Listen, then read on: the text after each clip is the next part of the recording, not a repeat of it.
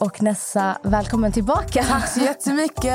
Alltså nu kommer jag, jag vet inte om jag låter sjuk. Tycker du jag låter sjuk? Nej, men du låter väl lite, um, Täppt i näsan.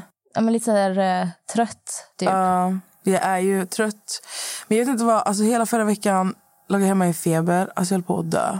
Jag trodde jag skulle dö. Ja, jag kommer att du skickade en bild.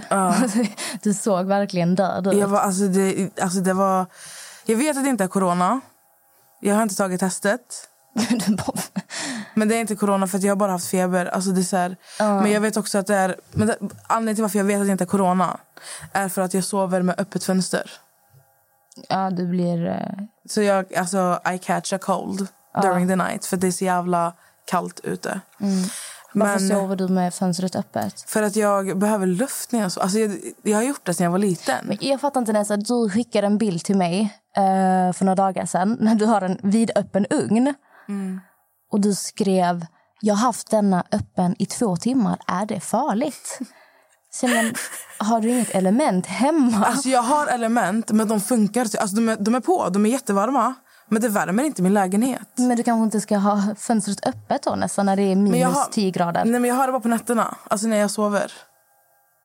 Alltså, nej, det där är jättedumt, Nessa. Det, vet du, du låter som de här personerna. Du vet när man är utomlands eh, och det är jättevarmt.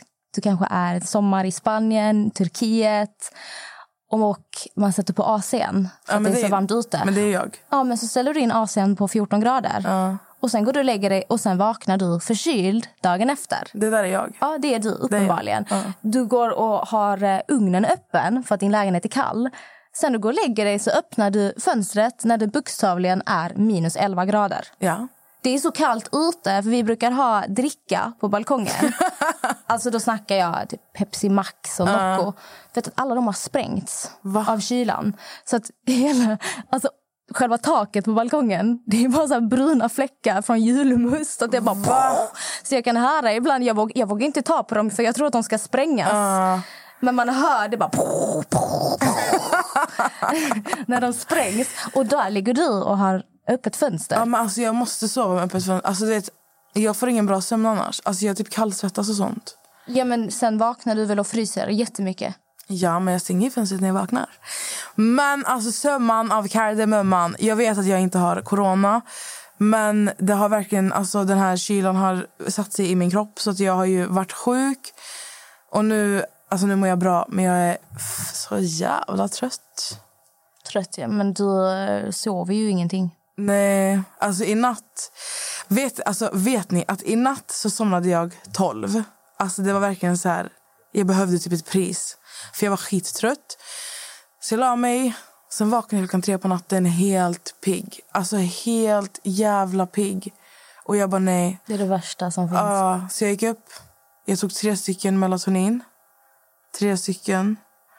Och så la jag mig i sängen. Jag bara. Melatonin, vad, vad är nu det? Det är eh, sömntabletter, fast det är så här, vi har ett sömnhormon typ, alltså i hjärnan. Det är naturliga... Ja, det är naturligt. Alltså det är inte så här, det är, det är, vad säger man, det är ingen heter det insomningstablett? Nej, nej, jag fattar. Eh, för jag, jag har hört talas om det innan. Ja. Så det är så naturliga, så det ska bara så här, det ska öka dina sömnhormoner typ så du blir trött. Jag tog tre stycken och jag bara okej, jag kommer, alltså jag kommer däcka om en timme typ. Alltså jag satt vaken till sex. Jag var helt klar, alltså jag var helt klar vaken. Och sen kickade de in och sen så vaknade jag av samtal vid elva och sen somnade jag om. Alltså det var, det var så upp och ner. Så att när jag var på väg nu till studion, alltså när jag satt i taxin, jag bara åh gud, alltså jag kände verkligen att den här melatoninen fortfarande kickar igång. Alltså. Men det jag tänker, för jag minns eh, en period så hade jag väldigt, väldigt mycket ångest och stress vilket ledde till att jag inte kunde sova längre. Jag blev sjukskriven från jobbet. Och eh, en dag Och jag, jag låg vaken eh, tre dygn i rad för jag var, jag var helt slut, men jag kunde inte somna. Eh, och Då fick jag gå till läkaren och eh, fick utskrivet eh, Legrigan eller någonting. Eh, och Det är någon slags ångestdämpande slash hjälp för att somna. Eh, och Tar jag bara en sån tablett då känns det som jag är bakis två dagar efter. Så jag fattar eh, känslan. Därför kan jag, jag är jättekänslig för allt Mm. sånt där. Men grejen melatonin ska typ inte ens ge en sån här känsla. Men det är nog för att jag tar, jag blandar med Atarax som är ångestdämpande och som också är alltså, för att man ska typ sova skönt. Men ehm, jag har aldrig tagit sån hög dos av melatonin innan och jag känner att det kommer jag nog inte göra om. Nej, det ska du nog inte göra. Nej. Men alltså jag mår, jag mår bra. Ehm, men eh, du har ju varit igång sen, eh, jag vet inte hur länge. Ja, jag gick upp sex i morse. Eh, Hur länge har du sovit? Alltså det är så här, vi pratar om min sömn som att den, den är katastrofal. Men så här, vi kan ju skicka över bollen till dig nu. Över till Amelia. Ja. Eh, jag sover ju inte heller eh, jättemycket, speciellt inte på veckodagarna när jag har skola. Det är väl i snitt tre timmar per natt jag sover ehm, och har gjort de senaste tre dagarna. Eh, men det är också, jag kan liksom inte somna om eller stanna kvar hemma för jag, jag har ju skola, jag har saker jag måste göra, jag måste lämna min styvson i skolan, eh, jag måste ut med hundarna, jag måste åka till mina projektmöten. För ni har ju skaffat en till hund. Ja. Ja. Frankie. Eh, Men eh, jag har ju alltid saker jag måste göra hela tiden. Jag är ju styvmamma, plugget jag är en nattmänniska på detta vilket gör att jag kan, jag, jag kan inte minnas en dag jag har somnat före klockan 12. Alltså det är många, många år sedan.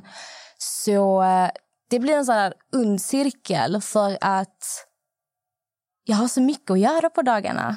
Och när jag väl kan sitta ner och andas så vill jag ju ta det lugnt. Men då är klockan typ 10-11 på kvällen. Och det är därför jag inte tränat så mycket det här året som jag brukar göra. För att jag får inte in tillräckligt med sömn. Och jag känner ju hur slut min kropp är och då finner jag ingen anledning till att gå till gymmet och träna för att jag kommer bara bryta ner min kropp.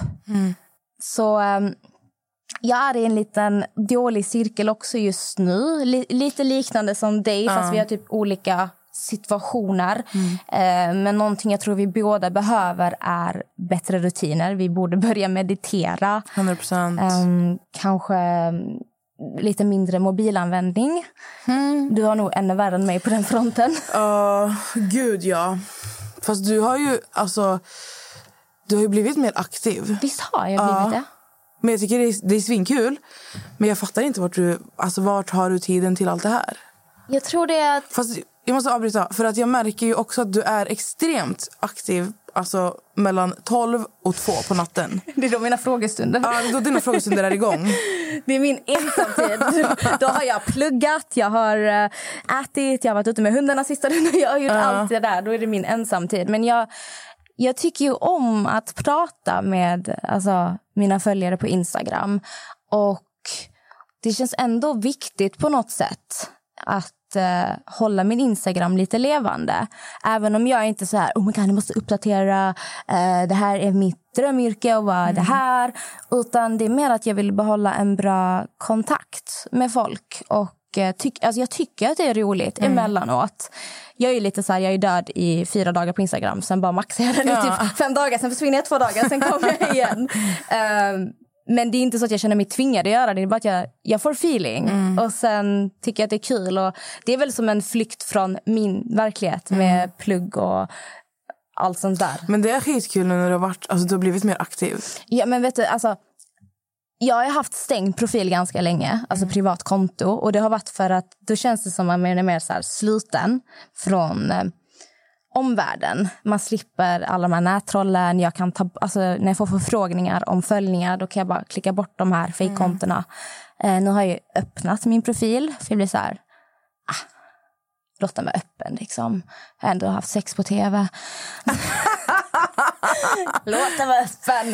Eh, men så fort man öppnar den då förlorar man massa följare. För då behöver ju folk inte följa, Följa, det längre. Eh, då är det med att folk bara går in och snokar. Men jag är ändå så här...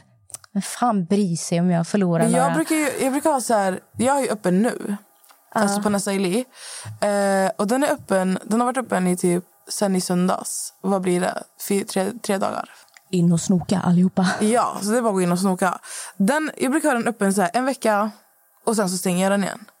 Det är så lite emellanåt. Det är också så här när man får feeling. Alltså, Men kan inte du relatera till det här? Eh, jag är väldigt öppen ändå på min Instagram om saker jag gör, saker jag har gjort, eh, psykisk eh, hälsa, ohälsa, allt det här. Ehm, och någonting som kan störa mig det är att ibland får jag så här dryga DMs på mina story när folk svarar och bara Vadå, vad menar du att eh, du gör dina läppar var, vartannat år? Du har gjort det här.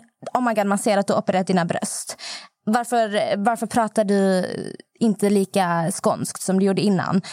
Det är folk som inte följer mig utan som bara trillar in på min story och väljer att ha en åsikt. Men eftersom att de inte har så bra koll på mig så blir det så här, men vadå, har inte du opererat dina bröst? Va, va, va, har, har du, jag ser inte att du har gått ut med att du har opererat dina bröst. Är du ärlig med detta? Folk har massa frågor. Man bara, men jag ser att ni inte följer men ni bara trillar in på min Instagram och ska ha massa åsikter, sen drar ni igen. Därför är det skönt att vara stängd också för då vet jag att de som följer, de som tittar, ni, ni, ni känner ja, mig. de vet. Jo, alltså, alltså det har jag verkligen märkt av. Och jag hade ju också... Jag hade en frågestund för inte så jättelänge sen. Jag tror det var typ förra veckan.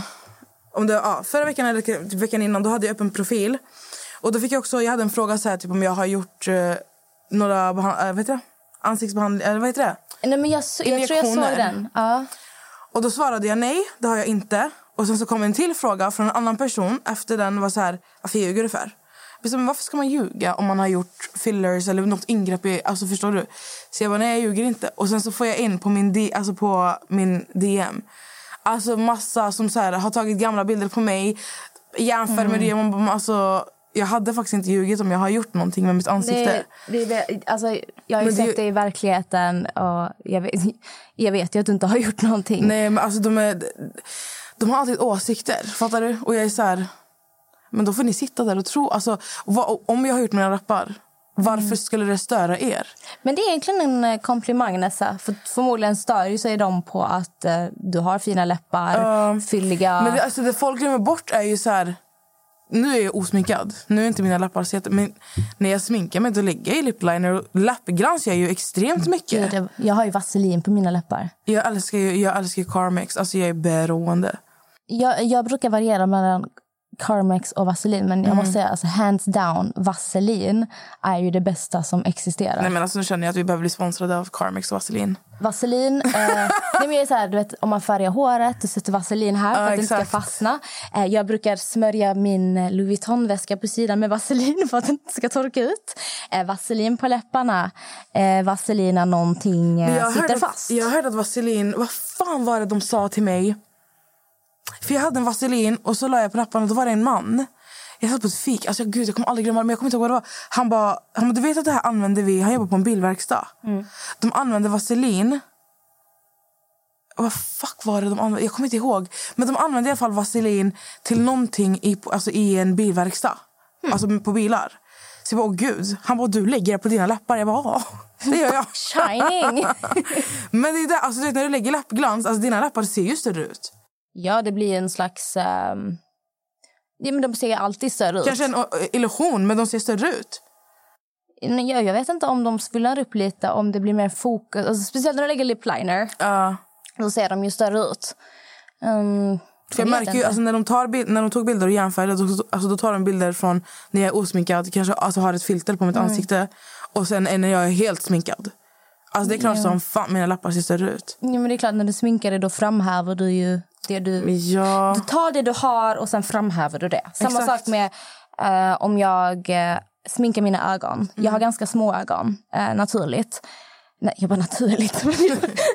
Nej, men, om jag inte har fransar och så här. Jag har ganska små ögon. Men så fort jag lägger på fransar och mascara och kanske lite eyeliner, du vet, så här, insidan. Eh, jag brukar inte lägga eyeliner på utsidan.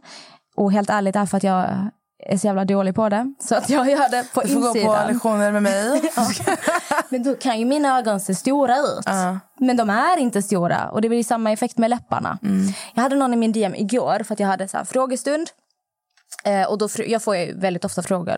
Vad är det för skönhetsingrepp du har gjort? Eh, hur ofta gör du dina läppar? Och då svarar jag att helt ärligt, jag gör mina läppar vart andra till vart tredje år. Och jag lägger en halv spruta, alltså 0,5 milliliter. Och då någon direkt. Ah, det låter ju omöjligt att eh, du bara ska lägga så där lite, så där sällan för att det bryts ner av kroppen. Som att personen misstrodde mig. Och var, jag blir så här, varför, om jag är nu i öpp, alltså, Ni som minns 2016, mina läppar, det var större delen av mitt ansikte. Eh, jag har tömt mina läppar och sen har jag gjort om dem. Jag har alltid varit extremt ärlig med vad jag gör för ingrepp.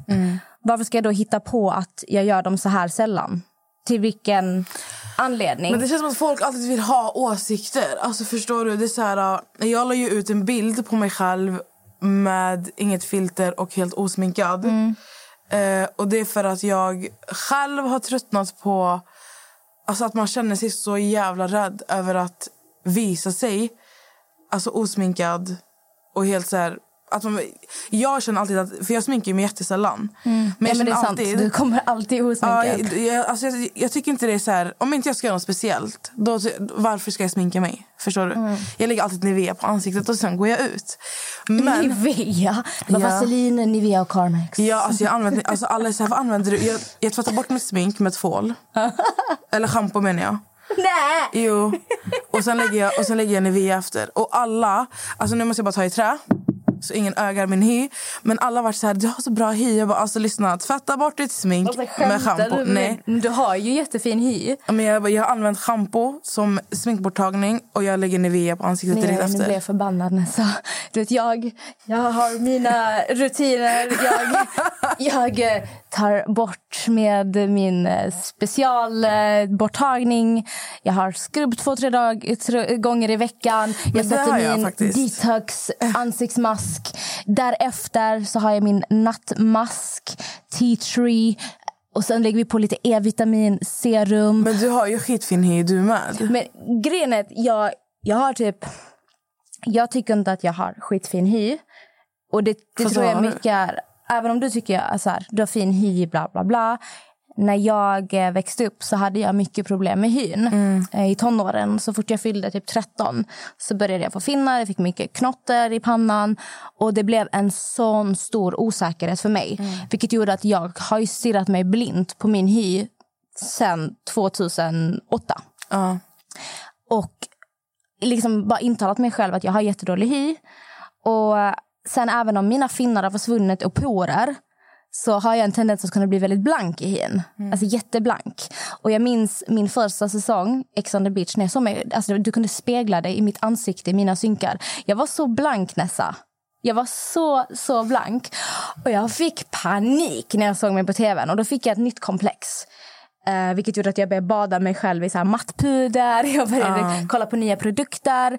Så att jag kämpar ju verkligen med så här hudvård och min hy är väldigt känslig. Jag måste verkligen tänka mig för vad jag använder på min hy. Så att även om du säger så här, men du har bra hy Amelia, du har fin hy. Jag kan inte tänka att jag har fin hy för att jag har haft det här tänket så länge. Är det inte porer så är det att jag är blank.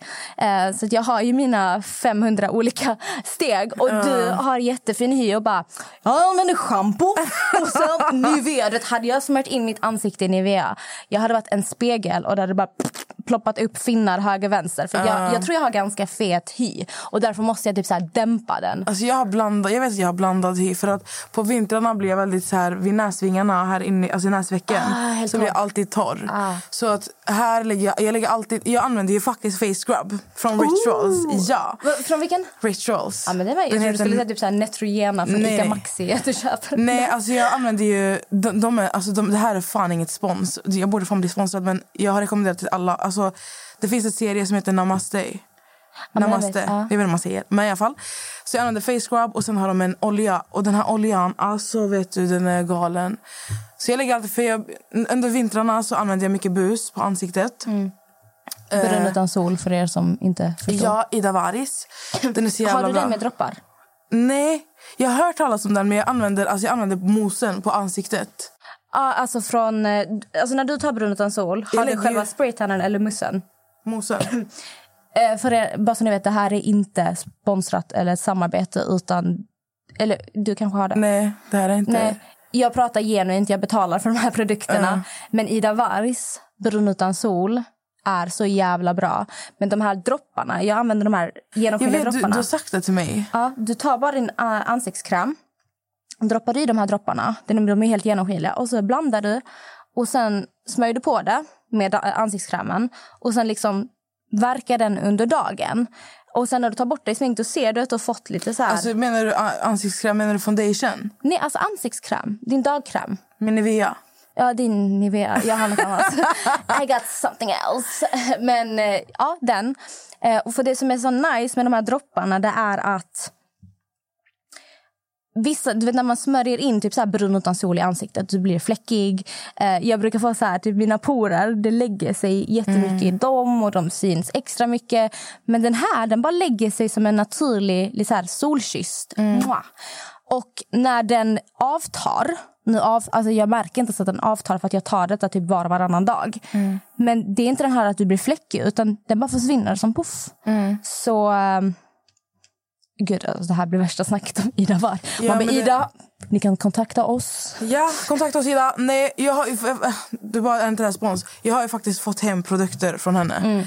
Eh, så det är ju, för innan, innan jag började använda hennes produkter så använde jag annan, en annan bus. Men jag är så jävla... För jag fick även hem... Eh, det, jag vet inte ens vad det heter, men det är så face lotion typ. Det är också så här typ som brun utan sol. Fast det, det är som en... Eh, alltså vad fan, typ som en kräm. Och den, är så här, den, har skimmer i sig. Och du ligger i, alltså du bara så här, du bara smörjer den på ansiktet. Alltså du ser så fräsch ut. Jag, alltså nej, det, ja. Så det, det jag tänkte säga var att alltså, under vintrarna, mycket under vintrarna så använder jag mycket alltså, bus på ansiktet. För att jag är så jävla blek och jag får inte sola solarium. För att jag har en hudsjukdom. Hud, hudsjukdom. Åh gud. Ehm, så jag använder ju... Så när, varje gång jag duschar så använder jag ju face scrub. Och sen lägger jag ju om. Men nu, nu är jag ju katastrof för jag har inte duschat. Men i alla fall, du sitter och kollar på mig. Ehm, det är det jag använder. Och sen, alltså, sen lägger jag ju Nivea. Och vi, alltså, ibland när jag är så, skittorr då lägger jag Nivea och sen olja på Nivean. Gud, alltså, hade jag gjort det där... Alltså, jag, gud, det hade inte gått. Alltså det roliga är att varje gång jag pratar om mina... Så här, jag brukar ju undvika att prata, prata om mina hudvårdsrutiner. För att igår, igår la jag ut så här, massa olika bilder på min mamma. På min story. Och eh, då var det någon som skrev typ så här... Jag behöver hennes hu- hudvårdsrutin ASAP. Då ringde jag mamma och sa jag bara, du, det är någon som vill ha din hudvårdsrutin. Hon bara, hälsa dem att schampo och vatten. Åh nej, din mamma är likadan. "Ja." Åh herregud. Men vissa människor, alltså... Alltså det, det, det är det här jag tror sam- alltså varje hem är ett, alltså varje hem är alltså en skola för barnen. Fattar du vad jag menar? För alltså oftast gör man ju som alltså, så sin, alltså sina föräldrar gör. Min, alltså jag har ju sett min mamma sen jag var liten tvätta bort sitt smink med schampo. Alltså förstår du? Ja, det är så, min mamma hon, eh, hon är som mig. Hon har haft sina 500 olika steg och sina behandlingar och allt det här. Så att det stämmer nog. Man tar ju mycket efter vad man växer upp. Uh, men mina systrar, mina systrar är ju inte som mig. De använder ju så att de har massa olika grejer. Jag bara, gud nej. Jag skulle aldrig lägga pengar på hudvårdsrutin alltså. Eller hudvårdsprodukter. nej, nej, nej. Min Nivea för 30 kronor i Ica Maxi är så jävla bra. Herregud. Men alltså, kan vi diskutera att det är alla hjärtans dag nästa helg? Åh gud, redan. Alltså nästa, den här släpps på söndag, så exakt en vecka efter så är det alla hjärtans dag.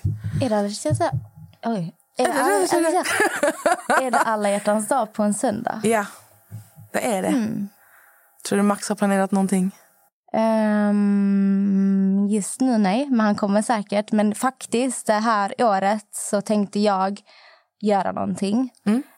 För det, det har nästan bara varit han varje år. Vi har ändå varit tillsammans i fyra år, Ja. i april. Och eh, jag tror alla gånger förutom en så är det han som har varit den styrande. Ehm, så att jag tänkte att jag får väl... ehm, överraska, överraska honom lite. Ehm, han är ju faktiskt väldigt romantisk. Eh, det är inte jag. jag, jag vill tro att jag är det, men jag är med den här... Jag kan, ligga, jag kan överflöda med kärlek, med ord och kram och puss och puss, puss, puss. Men jag är ganska lat när det kommer till de här överraskningar och kanske... Det kan vara så små saker, men jag, jag är ganska lat på den fronten. Så den här, det här året ska jag... Eh, Du får koka ihop någonting. har du tänkt göra någonting? Ja, jag har planerat. Eh, jag ska åka till eh, Jönköping. Hotell Vox. Vox. Ja, det heter Hotell Vox. Det ligger precis... Alltså, Är det spons, eller? ja, det är spons. Ja. Eh, självklart. Nej, men alltså, det är ett skitfint hotell. Det ligger precis i vattnet. Alltså, Med så här, utsikt alltså, till Vättern. Det är sjön. Ja. Så jag ska vara där. Min bästa har en restaurang där också. Så att jag tänkte att vi ska gå och käka på restaurang. Ja, och sen eh, får vi se vad som händer. Alltså jag, jag är så här... Jag har inte Alltså, planerat så här du nämnde inte om du ska dit med någon eller om du ska dit själv. Det är klart jag ska dit. Fan, Det Fan, trodde du? själv. Du bara, jag ska iväg på eh, hotell, jag. Mhm. Ja, nej, så jag ska dit. Ehm, ja. Jag har inte planerat så jättemycket. Det är mer bara komma bort härifrån typ, och byta miljö. Kommer typ vara skönt.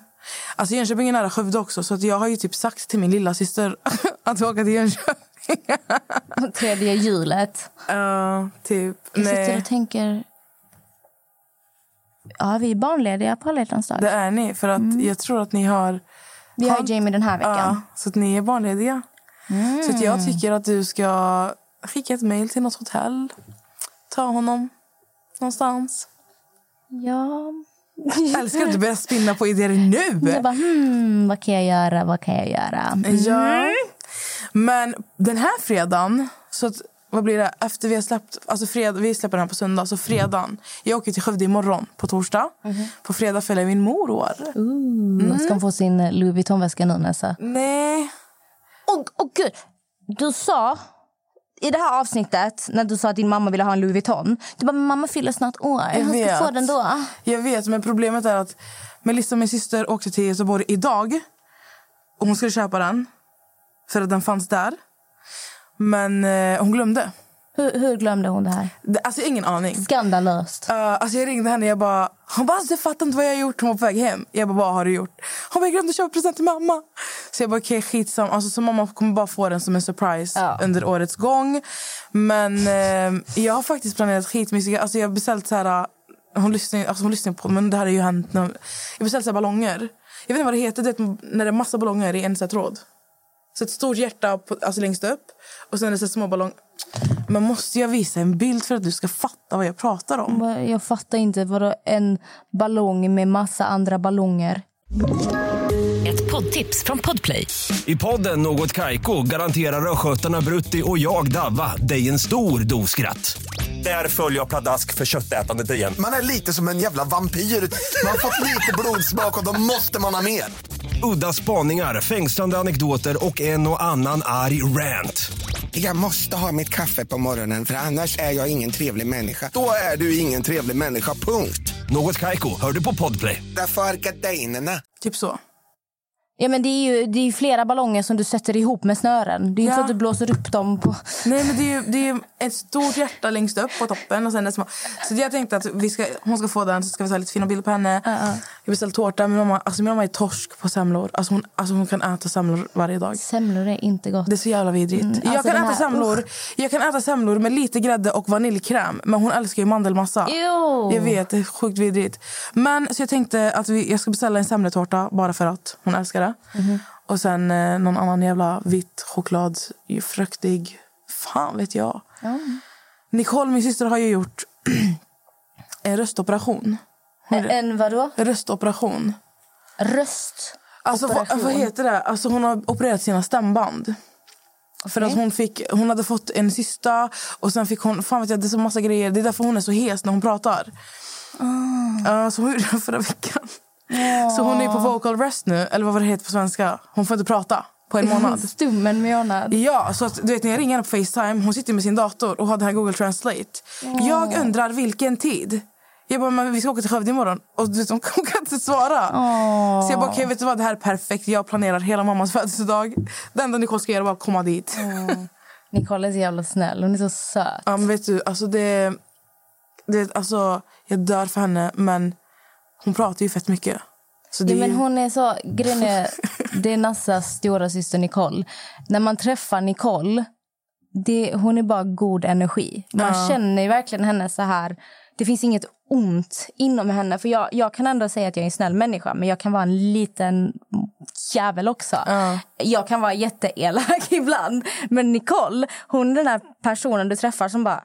Alltså hon kan inte ens bli arg. Nej. Alltså, jag kan inte ens tänka... Alltså, hon, har, hon har bara gott att säga om alla. Och är det så att någon benämner någon på ett negativt sätt så är hon så här, nej men tänk så här. Hon, hon har så här förståelse för alla. Hon är Ja, jättegullig. Alltså, hon är jätte... Hon har typ inga bekymmer i livet, känns det som. Fattar du? Det är så här... hon, hon är verkligen positiv med allt. Alltså, jag tycker det är svinbra att vara sån. Min lilla syster är ju inte likadan. Tvärtom. Nej, alltså Melissa är ju typ... Det, det är kul för jag har fått den här frågan. Så, du vet hur många det som har skrivit till mig att de vill att mina systrar ska besöka podden? Jag har aldrig Och det- träffat... Jo, jag har hälsat på Melissa. Har jag gjort det? När?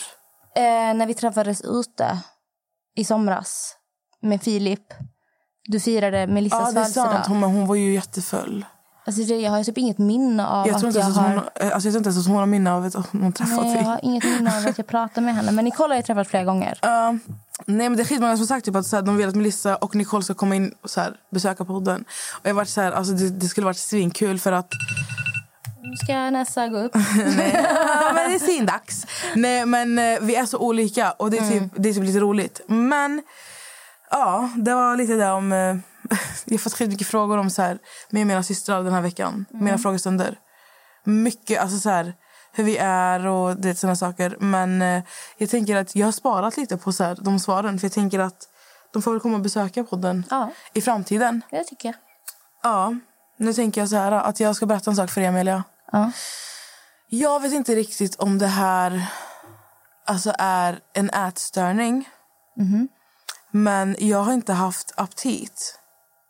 Bokstavligen. Jag har inte haft aptit på en månad. Alltså, sen jag kom hem från Skövde efter nyår. Det är 2 januari. Jag kom hem 2 januari. Från 2 januari till idag. Vad är det? Idag är det tredje fe- Alltså det är exakt en månad. 3 februari. Där, Alltså ja. jag har inte, jag har inte haft aptit. Men när du säger att du inte har haft aptit, är det att du inte blir hungrig, att du blir äcklad av mat? Jag blir inte hungrig. Sen tving, alltså jag tvingar ju mig själv att äta för att jag vet att jag måste ju äta för att det ska funka. Men när jag väl äter så får jag kvällningar och alltså när jag väl har ätit maten, alltså det är så här, det är ingenting som jag alltså som ligger psykiskt, fattar du? Det som i förrgår så beställde jag eller ja, för, nej igår var det. Nej det var skitsam. Någon dag sen. Jag beställde en glasnudelsallad Det var äckligt, förlåt. skitgott med skaldjur. Jag älskar den här. Och det är från, alltså det är från en restaurang alltså i Södertälje. Den är svingod. Och jag, jag vet att jag tycker om den här men jag var inte hungrig. Men min, alltså jag pratade med min vän och hon bara du måste äta. Jag bara okej. För alla bara tjatar på mig att äta. Så jag beställde den här salladen. Jag fick hem den. Alltså jag åt och jag åt inte ens upp hela. Det tog bara tio minuter. Alltså jag gick in och spydde ut allting. Och det, det, kom, alltså det kommer naturligt. Fattar du? Det är inte så att jag går in och försöker typ, alltså förstår du att jag inte vill Nej, äta. nej, jag fattar. jag vill Det- äta. Alltså jag du vill vara hungrig. äcklad, typ. Ja, Eh, jag har ingen aning om vad som pågår. Alltså, med tanke på du har ju också berättat hur stressad du är. Du sover inte. Eh, du har haft väldigt mycket på gång i ditt liv. Och sådana faktorer kan ju påverka ens aptit jätte, jättemycket. Vissa människor börjar äta jättemycket när de är stressade. Andra förlorar aptiten. På samma sätt när vissa är ledsna så får de ökad aptit och tröstäter till exempel och andra kan inte äta överhuvudtaget. Och jag tror för att i och med att du säger att det inte är psykiskt utan det är din kropp som mer eller mindre inte vill ha maten så låter det nästan som att det har med stress att göra. För att jag tror jag, tror jag, jag är ingen expertis sådär inom området egentligen. Men för att det ska klassas som en ätstörning då ska det nog vara lite mer psykiskt att ehm, du har en osund relation till mat på grund av ehm, eller nej, jag vet. Alltså en ätstörning, det kan också vara... Vissa människor eh, kanske mm, bara vill äta grön mat. Vissa vill bara äta röd mat. Jag vet inte heller om sånt där klassas som ätstörning. Det är, som sagt, jag vågar inte säga, men det låter ju det låter ju mer som att det har med andra faktorer att göra varför du inte vill äta. Eller att din kropp mår illa. Ja. Alltså jag tycker det är jätteskumt. Men du, för du alltså jag frågar dig för att jag vet att du har ju haft, Mm. vad säger man, lidit utav. Vad säger man? Ja, men jag, Alltså, jag har ju haft alltså, nu hoppas jag inte att folk tar åt sig av hur vi pratar för att jag är jätteokunnig inom det här ämnet. Mm. Men, men jag vet ju, alltså jag har ju ett problem. Men det ligger ju absolut inte psykiskt för att jag det vill ju ligger äta. ju förmodligen med dina rutiner. Och såklart, ehm, du kanske kan leva som du gör i någon månad men din kropp kommer säga ifrån. Och det här låter ju som att din kropp verkligen säger ifrån. Hallå? Ta hand om mig. Jag mår inte bra. Ja, men typ alltså. För att jag frågade dig bara, ja, det var ju det. För att jag vet ju att du har... Säger man lidit utav eller har haft? Jag vet inte ens hur jag ska tror- ställa frågan. Jag tror man kan säga både och. Ja, men jag vet att du har lidit utav och haft Mm. en ätstörning. Berätta. Berätta. Jag bara, ja, berätta. berätta. Känns som jag intervju här. Ehm, nej, vi har ju faktiskt haft väldigt många som har tagit upp just det här med ätstörning och anorexia. För jag har varit öppen med att jag har haft anorexia. Vilket... ehm, det känns så nära men ändå så långt ifrån att jag har gått igenom det här. För det var... Det tog mig över tio år att eh, bli frisk, eh, om man säger så. Ehm, och det är många som har velat höra mer om vad det var som hände, hur, all, hur jag har tagit mig igenom, hur har jag en så hälsosam relation till mat idag. Och om jag ska börja med hur allting hände. Jag var väldigt ung. Jag eh, har sen, sen jag var fem, sex eh, varit väldigt eh, brydd om hur jag ser ut. Som alltså litet barn. Um, vad jag har på mig, ehm, hur mitt hår ska se ut. Jag färgade håret första gången när jag var fem år gammal. Nej. jo.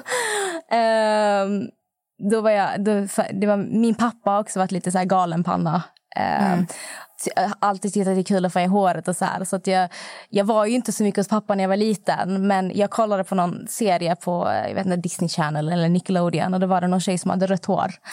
och då sa jag till pappa jag vill också ha rött hår. Han bara, men det kan vi fixa. Så han gick in på Coop köpte så här röd hårfärg, färgade mitt hår utan att säga något till mamma. Sen kom jag hem där med helt rött hår och mamma bara, vad fan har du gjort? Det var så här illrött, vinrött. Och jag var ju skitglad. Jag bara yes! Fem år gammal. Och det var ju alltid mamma som lämnade mig på dagis. Hon bara, alltså de kommer ju tro att jag är sjuk i huvudet. Som färgar min dotters hår. Och pappa var mer så här, bara, men vadå? Det, hon vill ha rött hår. Jag gav henne rött hår. Eh, ja, det var bara en inflikning. Att utseende har alltid varit en väldigt stor del, stor del av mitt liv. Eh, jag vet inte om det har saker med min uppväxt att göra, ska inte gå in på det nu, men i alla fall. Så allting började när jag var 11 år gammal. Redan när jag var 9-10 hade jag börjat med så här, jämföra mig ganska mycket med andra tjejerna när vi skulle bada eller idrottshallen. Eh, höll på mycket och gjorde konstiga träningsövningar hemma, kommer jag ihåg. 10 år gammal. Stod och boxades i luften och gjorde armhävningar och eh, sit-ups och allt möjligt. Men eh, 2007, då var jag 11, jag skulle fylla 12. Åkte jag på en skidresa med min familj. Och vi var med andra familjer. Och jag har alltid haft ett väldigt bra immunförsvar. Sen jag, jag, jag är aldrig sjuk. Knacka i trä. Men jag är... Jag, alltså, jag har aldrig haft en lunginflammation. Jag har, haft en, jag har aldrig haft influensa. Ingenting. Jag blir aldrig sjuk. Och på den här skidsemestern så fick alla barn i min ålder eh, någon kräksjuka. Så alla låg inne och spydde och kunde inte äta bla bla bla. Och jag fortsatte som vanligt. Och då minns jag att de här var typ ett, två år äldre än mig och de började snacka om att Gud, jag har gått ner tre kilo sen jag blev sjuk. Jag har gått ner två kilo. Jag gick ner ett kilo. Och då började jag, oj, jag har gått ner i vikt. Jag, eh, jag kanske också ska gå ner i vikt. Det började triggas igång där. Då var jag 11 år gammal. Så jag minns att jag låtsades vara sjuk. För att jag ville också gå ner i vikt. Så jag låtsades vara sjuk för att om jag också var sjuk så hade jag ingen press på mig av mamma att liksom, ät frukost, ät lunch, ät middag. Så vi kom hem igen från skidresan. Jag fortsatte låtsas vara sjuk. Och jag minns att vi skulle ha en eh, det är så här, hälsokontroll i skolan. Det är när man gick i sjuksa, Mm. sjuksköterskan, i, eller sjuksystern heter det, i skolan. Och man skulle väga sig och mäta sig och kolla så att allting såg bra till. Och då var det perfekt för mig, tänkte jag, att jag skulle banta inför den här hälsokontrollen. Vi gick i femman. Um, så det kom och uh, vägde mig. Hade ingen aning om jag skulle väga. Då låg den på 34 kilo. Och jag tror jag var... Ah, hur lång var jag? 1,52 kanske. Men hon blev ju direkt så här... Oj, det var ganska lite. Um, flagga till där. Och jag bara, men jag har varit sjuk. Jag har varit sjuk, så nu, det är därför. Så hon var med så, aha, okej, okay, så du har haft dålig aptit. Och så, men hon höll ändå lite koll. Um, och när jag nu hade gått ner de här kilorna, jag tror jag gick ner kanske 3-4 kilo um, under den här låtsassjukperioden. Så blev jag så här, ah, äntligen får jag äta igen. Så jag minns det var pannkakor i skolan en dag. Jag la upp en stor tallrik med pannkakor och eh, jag åt. Jag hade inte haft ångest när jag hade ätit förut. Men för första gången där och då så fick jag jättemycket ångest för att jag hade ätit pannkakor. För att jag hade haft det här mindsetet att jag skulle gå ner i vikt. Och då kom den här ångesten. Shit, skulle jag, jag borde inte ätit det där nu. Jag har ändå gått ner så här mycket i vikt. Och, återigen, jag är 11 år gammal. Mm. Uh, och från där så började min uh, besatthet av mat och vikt. Och jag minns att jag la mig själv på så här konstiga dieter. Att uh, under veckodagarna så fick jag bara äta en viss typ av mat. jag vill inte säga exakt vad det var jag åt för att om det är någon som har ätstörning just nu så vill jag inte sitta och Nej. på något sätt kunna ge tips. För jag vet själv att har man en ätstörning, anorexia och hör folk prata om sånt här, man kan bli inspirerad. Mm. Eh, så jag vill inte säga vad. Men jag unnade mig själv på lördagar. Så jag svälte mig själv hela veckorna för att kunna på lördagen äta vad jag ville. Det var min belöning för att jag hade varit duktig. Och eh, min mamma började ju märka detta och blev väldigt orolig. Eh, sjuksystern ringde henne också, hade regelbunden kontakt. Eh, men det var i samband med att vi skulle åka på en resa till Tokyo. Min mammas pojkvän på den tiden eh, bodde där. Och vi åker iväg. Och under den veckan, det var då mamma tappade all kontroll över mig och mitt beteende kring mat. För att vi var inte i Sverige längre, kunde inte ta mig till sjukhuset. Det var ingen sjuksyster, det var ingen eh, BUP eller någonting. Och där eskalerade det verkligen. Och um, mamma har ju själv berättat från den resan så låg hon ju och tittade på mig varje natt för att se om jag fortfarande andades. För att hon såg ju sin dotter bara bli svagare och svagare och svagare. Och det är så sjukt för jag var så ung. Jag var, liksom, jag var, jag var ett barn och allting jag brydde mig om var mat och vikt. Ingen annan i min klass gjorde detta, det var bara jag. Um, jag minns att när vi kom hem så bokade mamma ett akut så här, möte hos BUP, mm. barn och ungdomspsykiatrin. Vi gick på ett möte, vi träffade så här, överläkare, expertis inom anorexi och hon kom ju väldigt snabbt fram till att du har anorexia och gjorde upp en kostplan till mig där um, de mer eller mindre sa att äter du inte det här nu så, så kommer det... Liksom, det, var, det lät som ett hot. Jag kommer inte ihåg exakt vad de sa, men de sa att du ska komma tillbaka här om fem dagar. Och visar inte vågen någonting bättre då så kommer vi få ta itu med hårdhandskarna. Jag åt absolut inte vad som stod på den här schemat. För att jag fick ju en positiv energi av att höra att jag vägde för lite. Då hade jag gått ner, jag tror jag vägde 30 kilo då, mm. eh, när jag kom. Och jag fick ju en kick av det här. De satt ju så farligt, här, jag blev bara så här, wow jag, jag lyckades ännu mer. Hur mycket mer kan jag gå ner? Och eh, mamma försökte ju så här, göra upp den här menyn. Jag skulle äta, jag minns jag skulle, jag skulle äta två mackor med smör och sen var det kalkon och eh, några skivor tomat eller gurka och så skulle jag dricka ett glas Proviva. Och jag gjorde allt för att slippa äta det här. Så fort mamma vände ryggen till då kanske jag tog eh, kalkonen och stoppade innanför mina trosor för att inte behöva äta den. Eh, och råkade tappa maten. Jag hade så mycket konstiga saker för att komma undan. Och eh, dagarna gick och vi skulle då gå tillbaka på den här rutinen. Eh, och de tog så EKG på mig. Och först när jag ställde mig på vågen då tror jag jag låg på 28 kilo. Så ytterligare fem dagar har jag tappat två kilo till. Eh, så då var jag 1,52 centimeter och vägde 28 kilo. Och när vi gjorde EKG så minns jag, eh, min mamma och pappa var där. Och jag ligger där och jag, i mitt huvud, jag är ju bara där och jag ska åka hem igen. Och jag minns bara att läkarna började kolla på varandra och de började så här viska och jag fick inte riktigt höra vad som hände. Och då kommer det en man och en kvinna. Och det är som att de håller fast mig i varsin arm. Och det kommer en ny läkare och ställer sig över mig och säger nu kommer jag blåsa på dig.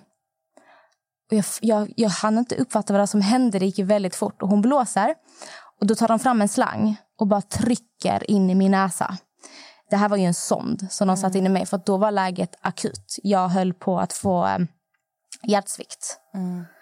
Eh, det var ju som att min kropp började ta ifrån mitt hjärta. Alltså hjärtan är också en muskel. Och allting gick, det här hände inom beloppet, ah, det var två månader från att jag började svälta mig till att jag hamnade här. Det gick så jävla fort. Och när de trycker in den här slangen, jag minns att jag bara skriker av smärta. Och jag det var så obehagligt. Jag tänkte själv en slang, det kändes som gick rakt genom min hjärna. Och den gick ju ända ner till magsäcken. Och jag skriker och slåss. Jag, allting. Och jag minns att mamma bara vände sig om och började gråta. Hon bara, jag kan inte se det här. Um, sen rullade sig in på hjärtakutavdelningen. Och um, då kom ju den här överläkaren in och bara, vi kommer omhänderta Amelia. Tvångsinlagd på psyket. Eh, då fick jag ligga på akutavdelningen för barn och ungdomar. Eh, och jag var faktiskt deras yngsta patient någonsin som hamnade på psykavdelningen i Skåne i alla fall. Ehm, så jag låg i alla fall en natt på akuten och fick bli matad av sond. Och den här sondmatningen fick jag ju i alla fall en vecka. Tills jag insåg att jag kommer få ha sonden tills jag själv börjar äta. Och då valde jag att hellre äta. Men från att de tog in mig på BUP så var det som att de släppte inte taget om mig förrän jag fyllde 18 år gammal. Nu menar jag inte att jag låg inlagd på psyket. utan jag skulle bli inlagd på riktigt egentligen. Men det fanns inte plats på det riktiga psyket. Så jag låg i två veckor eh, inlåst eh, på akut eh, psykavdelningen. Och då var jag 11 år gammal.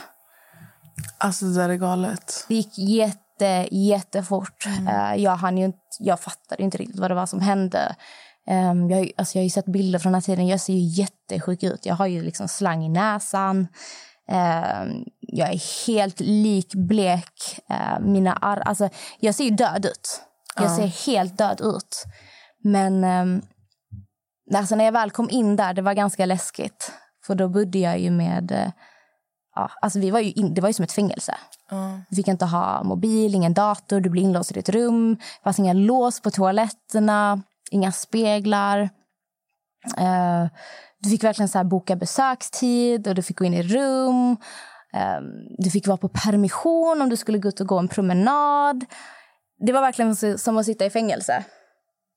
Och där var du i två veckor. Yes. Ja. Just för att... Eh, De hade inte plats. Exakt. Och eh, jag förbättrade mig så pass mycket under de här två veckorna. Alltså, det var ju ett spel. Jag förstår ju, om jag ska ut härifrån, jag måste göra vad de säger. Men när jag, efter jag kom ut därifrån, det var ju regelbunden kontakt med BUP. Eh, Det kom ständigt hem eh, personer till mig för att hålla koll på att jag åt. Jag tror jag gick två gånger i veckan på möten där de vägde mig, de kollar EKG. Då hade de mig... Jag var fast. Och när du är så underviktig som jag var då ehm, så vill de att du börjar äta lite åt tagen, så, lite i taget. Så att jag började med så här, jag hade mitt kostschema och så var det bara halva portioner. Och sen efter en månad så ökade de mina portioner och då var det verkligen så här Amelia äter frukost. Amelia måste vila en timme efter frukost. Amelia äter mellanmål. Sen Amelia äter lunch. Amelia har en liten efterrätt. Sen Amelia måste vila efter, efter, eh, efter det här. Sen Amelia äter mellanmål. Sen Amelia äter middag. Och efter middag måste hon vila. För de var väldigt så här att jag fick inte hålla på med fysisk aktivitet. Så jag fick ju så här läkarintyg från skolan. Jag hade ju nästan ingen idrott mellan ja, sexan och sjuan. Nej, I sjuan fick jag börja ha lite idrott, men i alla fall slutet av femman och sexan. Jag hade inte idrott en enda gång för att jag fick inte att gå på träning eller idrotta för att det kunde trigga mig. Ja. Och även om de, jag var ute från eh, psyket så var jag ju lika sjuk. Eh, om inte ännu värre. För jag minns paniken över att när de väl satte mig på kostschemat så visste jag att nu kommer jag börja gå upp i vikt. Och det gav mig så mycket ångest. Det var ju allt mitt liv handlade om på den tiden. Det var att vara underviktig. Jag kan inte förklara varför, men jag var besatt eh, av att folk skulle tycka att jag såg ful ut. För att ord som att höra att jag var vacker, att jag var söt, det kopplade jag till hälsosam. Och är du hälsosam, då är du inte för smal. Så jag vill inte vara vacker och jag vill inte vara söt. Jag vill höra att jag ser sjuk ut. Det blev en slags trigger i mig. Jag vill höra att jag är för smal. Jag, det, jag måste höra, du får inte säga till mig att jag är fin. Om du säger att jag är fin, jag kommer, jag kommer må dåligt. För jag minns att det kunde vara eh, men bara månader efter det hade hänt och någon kunde säga, men Amelia du är så fin. Du är så söt. Jag fick panik. Jag fick en ångest av att höra att jag var fin eller söt. Bara för att jag kopplade det till att vara hälsosam. Och hälsosam, då, då är du inte underviktig. Ehm, så det är, ganska, det, är så sjukt att tänka tillbaka på den här tiden. Jag hade ju fortfarande mina vänner, alltså vi var ju så unga, vi var 11, 12 och de försökte förstå vad jag gick igenom. De försökte först- ingen förstår ju. Det var så konstigt, det sa ju de på BUP också, att vi aldrig någonsin varit med om en så här ung tjej. Men jag har ändå sen jag var i den åldern varit väldigt medveten om allting. Så när jag pratat med läkarna och folk, de tycker ändå att jag har koll. Och jag förstår problematiken, men det var som ett spel för att bara slippa bli inlagd igen. För jag var så rädd för att bli det. Ehm, så den här eh, resan fram och tillbaka den pågick nog tills jag blev i alla fall 20, 21. Ehm, så tio år höll jag på så här. Och det var inte att jag var så här underviktig och så smal hela tiden. För den här resan gick ju upp och ner. Det var ju när jag skulle börja i nian som jag började äta. För jag hade, när man väl började högstadiet då var det mycket fokus på tjejer. Det var där, tjejer och killar. Det började, intresset där började växa och jag var ju väldigt sen i utvecklingen eh, av uppenbarliga anledningar. Eh, Jag hade inte utvecklats med bröst och jag var ju liksom jag såg som en liten flicka fortfarande. Min, min kropp utvecklades inte. Och jag minns att det var när jag var 14 så hade min kusin tagit en bild på mig i Spanien i bikini. Och jag tittade på den och jag tänkte för mig själv, men gud jag ser ut som en liten flicka. Jag vill också ha bröst. Jag vill också, då, då började jag komma in i lite andra tankar. Så från ingenstans så började jag äta jättemycket bara för att jag ville gå upp i vikt. Jag ville få rumpa, jag ville också få bröst. Och det gick fort. Alltså, ja, mina bröst växte jättefort efter detta. Och så fort jag började äta ordentligt, då kom ju min mens igång också. Och äh, hela det här köret. Men då mådde jag jättebra under en period. Men jag åt fortfarande inte godis, jag åt inte pizza, jag, jag åt inte pommes. Jag hade ändå saker som var helt förbjudna för mig. Eh, Men jag åt allt annat. Bröd, pasta, tortellin. Det var bara så här vissa sorters mat som var för triggande för mig för att äta.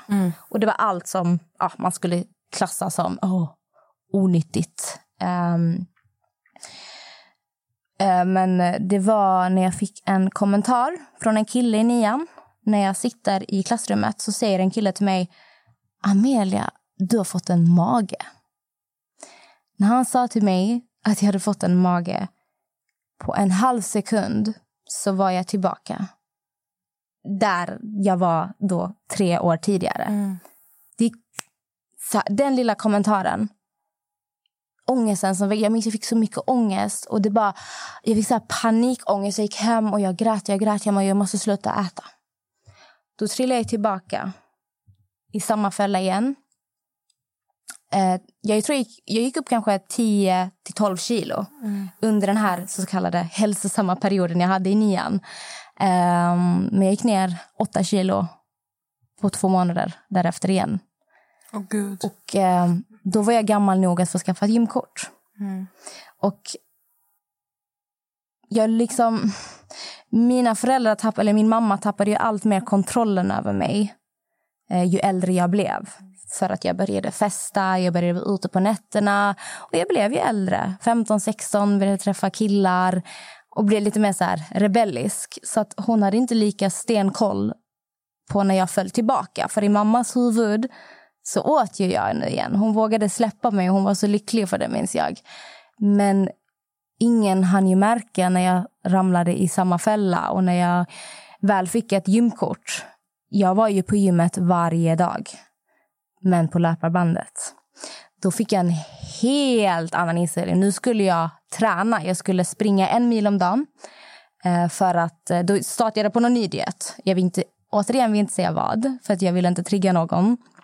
Men då kom min besatthet av att förbränna kalorier. Jag hade noll kunskap om träning. utan Det handlade bara om att förbränna kalorier och ligga på ett ständigt underskott. Och så pågick det nog i två, tre år till därefter. Eh, levde på ja, en viss typ av mat. Åt fortfarande inte, alltså jag tror jag åt inte pizza eller godis på över tio. Alltså, jag var 21 när jag kunde äta godis igen. Så det här, ja, ätstörning, anorexia, allt det här, det pågick över tio år. Det var 2018 när jag gjorde min PT-utbildning som jag kan säga att jag ändrades på riktigt. För då fick jag någonting som ingen kan ta ifrån mig och det var kunskapen mm. kring att förstå sambandet på riktigt mellan kost och träning. Mm. Så att det där, den där resan pågick ja, över tio års tid. Och det var inte ens många som kände... Alla visste att jag var sjuk från att jag var 11, 12. Men sen visste inte folk det på samma sätt. För då började jag högstadiet. Då var jag bara den lilla spinkiga, konstiga tjejen, tyckte folk. Jag, var, jag har alltid varit lite ensamvarg. Mm. Um, det var ju mitt ex som förstod att jag hade problem med maten. För att jag, jag åt ju inte som en normal människa. Um, men jag var väldigt isolerad med honom. Um, under gymnasietiden. Men gick du PT-utbildningen för att lära dig mer? Eller alltså, fanns det någon baktanke med att gå den här PT-utbildningen? Alltså, förstår du?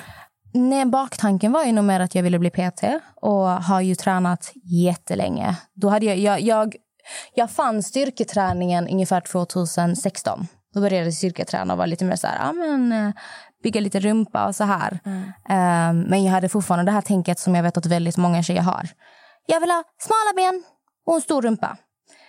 Det går inte att bygga en rumpa utan att bygga ben. Mm. Så är det. Um, men jag, jag, hade fortfarande så här ohälsosam inställning till träning. Det var fortfarande så här, bränna kalorier, uh, måste ha cardio varje dag. Jag hade den här besattheten. Så egentligen när jag utbildade mig, det var för att jag ville bli personlig tränare. Men all den här kunskapen, jag, det var som en så trygghet för mig. Mm. Jag utbildar mig nu och jag förstår jag förstår typ det alla läkare har försökt förklara för mig under tio års period. Men där kände jag mig i en trygg miljö. För för mig som har haft en så ohälsosam inställning till mat och träning under mer än ja, halva mitt liv. Att sitta med folk som jobbade med hälsa och kost, folk som tränade skitmycket. Jag kände mig i en trygg miljö. Jag tänkte bara att de här människorna vet vad de snackar om. För att om en läkare säger till mig, ja funkar det? Jag tänkte bara, ni vill bara att jag ska gå upp i vikt. Mm. Håll käften. Ni, ni, vill, ni, bryr, ni, vet, ni bryr er inte om hur jag ser ut. Ni bryr er bara om det här och det här. Så den tryggheten jag fick från personliga tränare och allt det där mm. den gav mig... Ja, jag vågade liksom ta åt mig av allt. Men det är därför du... Jag vet att du också kan triggas av människor som säljer kostscheman som inte är typ skräddarsydda eller som är jag vet inte, jo, alltså, jo, gjorda av någon som faktiskt kan sitt jobb. Det finns ju så mycket... Eh, jag följer en... Alltså, du vet, jag, har inte, jag själv är en person som kan alltså, triggas av alltså, att följa vissa personer på Instagram. Mm. Jag följer en enda människa som är, alltså, förutom dig... Men du, din Instagram är inte uppbyggt... Ett, alltså, det är inte ett PT-Instagram. Det är Nej. inte personlig tränare. Det är en liten touch av det. Ja, det är, det är en liten touch av det. Alltså, man vet att du tränar och sånt, men du är inte så här... Ditt fokus är inte att så här, prata om bara träning. Mm. Du är lite överallt. Men jag följer ja, men jag, jag gillar ju den kombinationen. Mm. Men jag följer det finns ju bara en person som jag följer. Jag måste bara läsa upp hennes namn. För att alltså, och det här är inget samarbete, det här är bara Hon heter Jelena. Alltså Jelena. Alltså M, jag vet inte om jag uttalar hennes efternamn. Mesham. Alltså M-E-A-C-H-A-M. Mm, Jag tror det, jag har sett att du har lagt ut. Ja, jag har ut henne. Alltså hon, hon är den enda så här människan som, som verkligen kan få... För du vet, när du börjar träna och du så här... Typ, ett exempel bara när du bestämmer att du ska gå ner i vikt. Då vet du att du ska... Alltså man, man tänker direkt att jag ska äta alltså mindre än vad jag borde göra. Så här mycket kalorier, la la la. Fattar du? Du tänker ofta så här eh, nybörjarmisstag. De, läs, de går efter vad som står i media. Och går du efter vad som står i media, det är liksom så här detox, gå ner 15 kilo på två veckor. Gör det här, snabb dieter. Det är diet, diet, diet, diet. Det är en hets. Ständig hets. Och det är det jag inte... Alltså, när man har hört så här, ah, eller typ om jag pratat om att så här, jag ska börja träna, jag går ner i vikt. De har, alltså, då, det, det första jag tänker på det är så här, torr, torrt ris med kyckling så här, i en vecka. Fattar du? Du tänker att hälsa det är att sitta och äta broccoli och äta äcklig ris och tonfisk typ. Typ. Men jag kan säga Jelena, sen jag började följa henne, alltså hon har ju ändrat min syn. Alltså hon får ju verkligen... För det jag har förstått, det är att alltså, kost och träning går hand i hand. Alltså det är en livsstil. Fattar du? Så att alltså... ehm, så när jag, följ, när jag började följa Jelena, hon får ju alltså hon får ju maten att se rolig ut. Eller fattar du vad jag menar? Alltså det ser roligt ut att träna och kunna äta god mat som är nyttig. För det enda man tänker på det är så, ah, nu ska jag få äta en torr jävla broccoli med en torr kycklingfilé och lite, alltså fattar du? Men hon är i alla fall svinduktig. Hon och jag skrev, det jag kom fram till var att hon och jag skrev mycket. Och eh, jag försökte uppmuntra henne till att våga prata lite mer om alltså, människor. Hon skickade en sida till mig. Det finns en sida som extremt många använder. Alltså det kan till och med vara influencers som påstår sig vara PTS. Den här sidan, eh, du går in så klickar du in så här, typ hur mycket du väger, vad vill du åstadkomma med din kost och du vet så här. Det här är en sida som du betalar för att göra. Du kan välja vilken så här personlig tränare du vill ha. Men det som är med den här sidan, det är att den, alltså, sidan gör kostschemat utifrån Okej. vad du klickar in. Fattar du? Då blir det så här ris och kyckling. Ja, alltså det är så, här, så att vi ser om du är med där och jag väljer dig som personlig tränare och jag skriver in att jag vill gå ner i vikt och du vet, hela det här köret. Då kommer jag få ut ett kostschema på typ fem minuter. Men det är inget kostschema du har skrivit. Nej. Fattar du? Och då sa jag till henne och då skickade hon, eh, det finns, jag, jag tycker att jag nämner några namn. För jag vill att hon, jag vill att hon ska samla på sin mod och kunna våga prata för att hon kan sin grej också. Förstår du? Så jag tycker att jag nämner några namn. Men det finns en eh, influencer som är personlig tränare eller vad man ska säga. Och eh, inte använder sig av rätt, alltså han använder sig inte alltså, av rätt fattar du, metoder. Och hon har förklarat allting för mig. Och eh, där förstod jag direkt, för jag, då kom jag in på dig när jag pratade med henne. För där förstod jag direkt din syn på när du triggas igång av andra människor som har kostscheman och inte har någon aning om. Ja, alltså jag blir ju jättetriggad på... Alltså, man har sett hur många influencers som helst. Detox! Nu är det dags för detox. Uh, gjort reklam för te. Man har ju sett Kim Kardashian och Khloe dem. Skinny tummy tea som ska rensa din kropp. Uh, vi har en uh, lever för att rensa vår kropp och skit. Liksom. Um, allt det med detox är bara bullshit. Och det är så många folk som är låtsas personlig tränare. Som, det finns ju också, jag ska inte nämna några namn för det blir ett jävla liv sist jag gjorde det. Eh, men, eh, gud vilken stockholmska jag fick. Men, eh, eh, som ger ut kostscheman som säger då att ah, på två veckor så ska du då få din perfect body. Och alla får ett kostschema och det är så här, ni ska äta det här och sitter och skryter om att folk har gått ner 15 kilo på tre veckor. För det första, att gå ner 15 kilo på tre veckor det är inte hälsosamt. Det är inte vad ni ska sträva efter. En viktnedgång ska ske alltså, långsamt. Långsamt. Du ska ställa om en persons liv, en persons inställning till mat. Det handlar inte om en quick fix. Hälsa är inte quick fix. Det är alla de här dieterna. Jag vet inte hur många människor jag har pratat med som sitter i den här eh, dåliga cirkeln eh, där man bara går, går på snabba dieter, går på juice-dieter, går på detox-dieter, äter bara grönsaker. Tappar eh, 7-8 kilo. Wow, det här går ju jättebra. Och sen så stannar de där. Och sen så, vem fan orkar leva på en smoothies i resten av sitt liv? Det gör man inte. Så man börjar återgå till sina gamla vanor åter igen. Och det man måste förstå när det kommer till när man gör kostscheman det är att du, det som jag ska äta kommer inte vara rätt för dig. Varje människa kommer ha olika kaloribehov. För det första måste du räkna ut basalomsättningen. Jag har ju sett din Youtube... eh, när jag pratar om när du pratar om hur man... Nej, ja, och så du, du lär ut hur man kan räkna ut hur mycket kalorier... Alltså, för se, alltså, jag kan räkna ut... Vad fan var det för? Jag har ju sett den.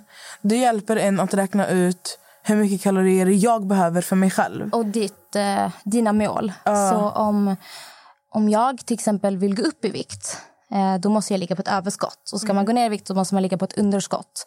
Men alla har ju en basalomsättning och det är ju vad du förbrukar, vad din kropp förbrukar kalorimässigt i vanlig form.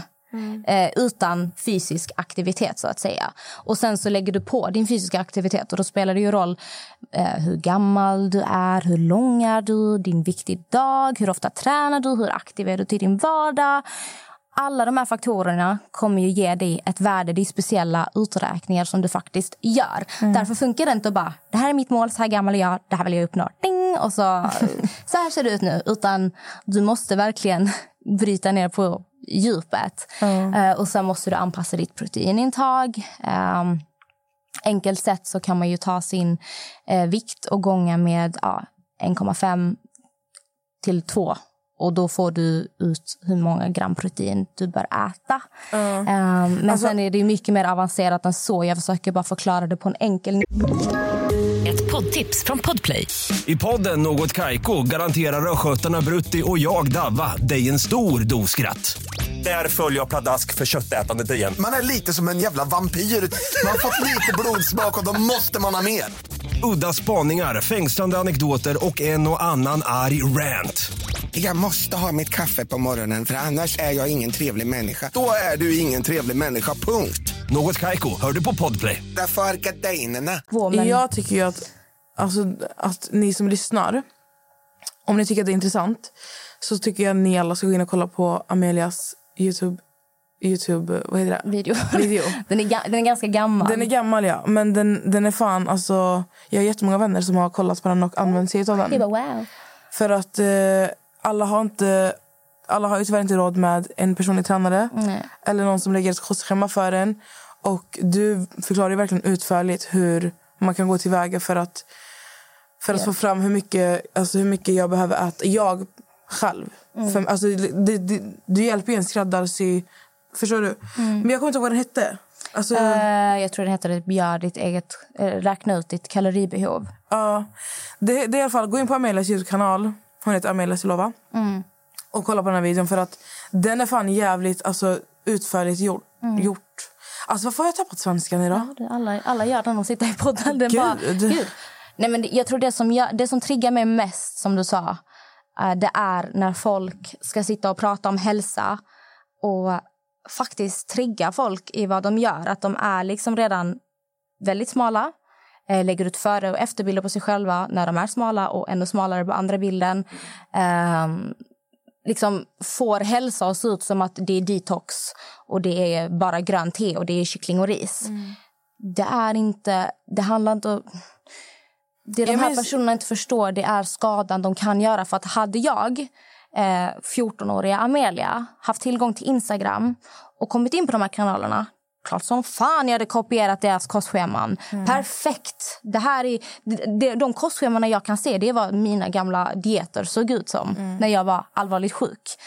Och det som gör mig så jävla förbannad det är att de förstår inte vilken skada det kan göra att sitta och prata om kost och hälsa när du egentligen inte har någon kunskap om vad du pratar om. Jag blir jättearg för att jag har själv varit där. Jag höll på att dö. Jag höll på att dö när jag var 11 år gammal av hjärtsvikt på grund av anorexia. Och det är många människor idag som är sjuka, speciellt den här pressen som kommer från Instagram. Att då sitta och förespråka viktnedgång på två veckor, då är ingen ingen, du tar inget ansvar över de här människornas psykiska mående. Eh, hur, då, hur ska de, när de har gått, när de gått på ditt jävla två veckors eh, schema, vad händer sen? Ska de fortsätta gå på ditt svältschema på 1000 kalorier? Är det, är det vad man ska göra sen? Mm. Det är vad som gör mig arg. För att du bara lämnar dem ute. Hej då! Att anlita en personlig tränare och få hjälp med kost och träning det är att ha en mental coach också. Någon som hjälper dig och lär dig och utbildar dig. För att Någonting man måste förstå när det kommer till hälsa, när det kommer till mat det är inte broccoli och ris. Du kan äta vad du vill. Jag menar det verkligen. Ni kan äta vad ni vill. Jag minns när jag handlar om- pratade med dig om att... Eh, vi pratade om kost.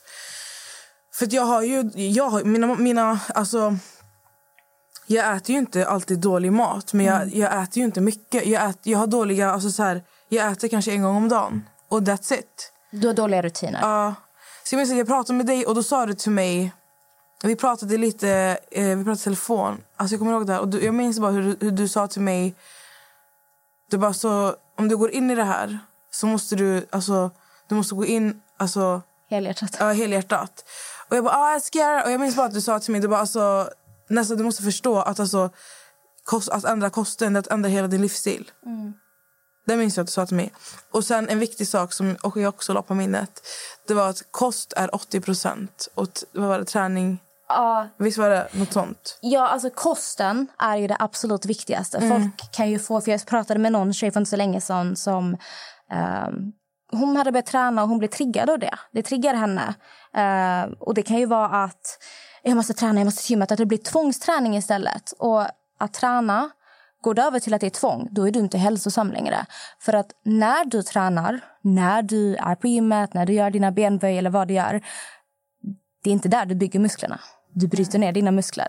Var du bygger muskler, det är i köket. Vilket betyder, går du till gymmet dina, går du sju dagar i veckan till gymmet och du äter för lite, du äter inte till och med protein, du ligger på konstant underskott, du sover dåligt. Vet du vad?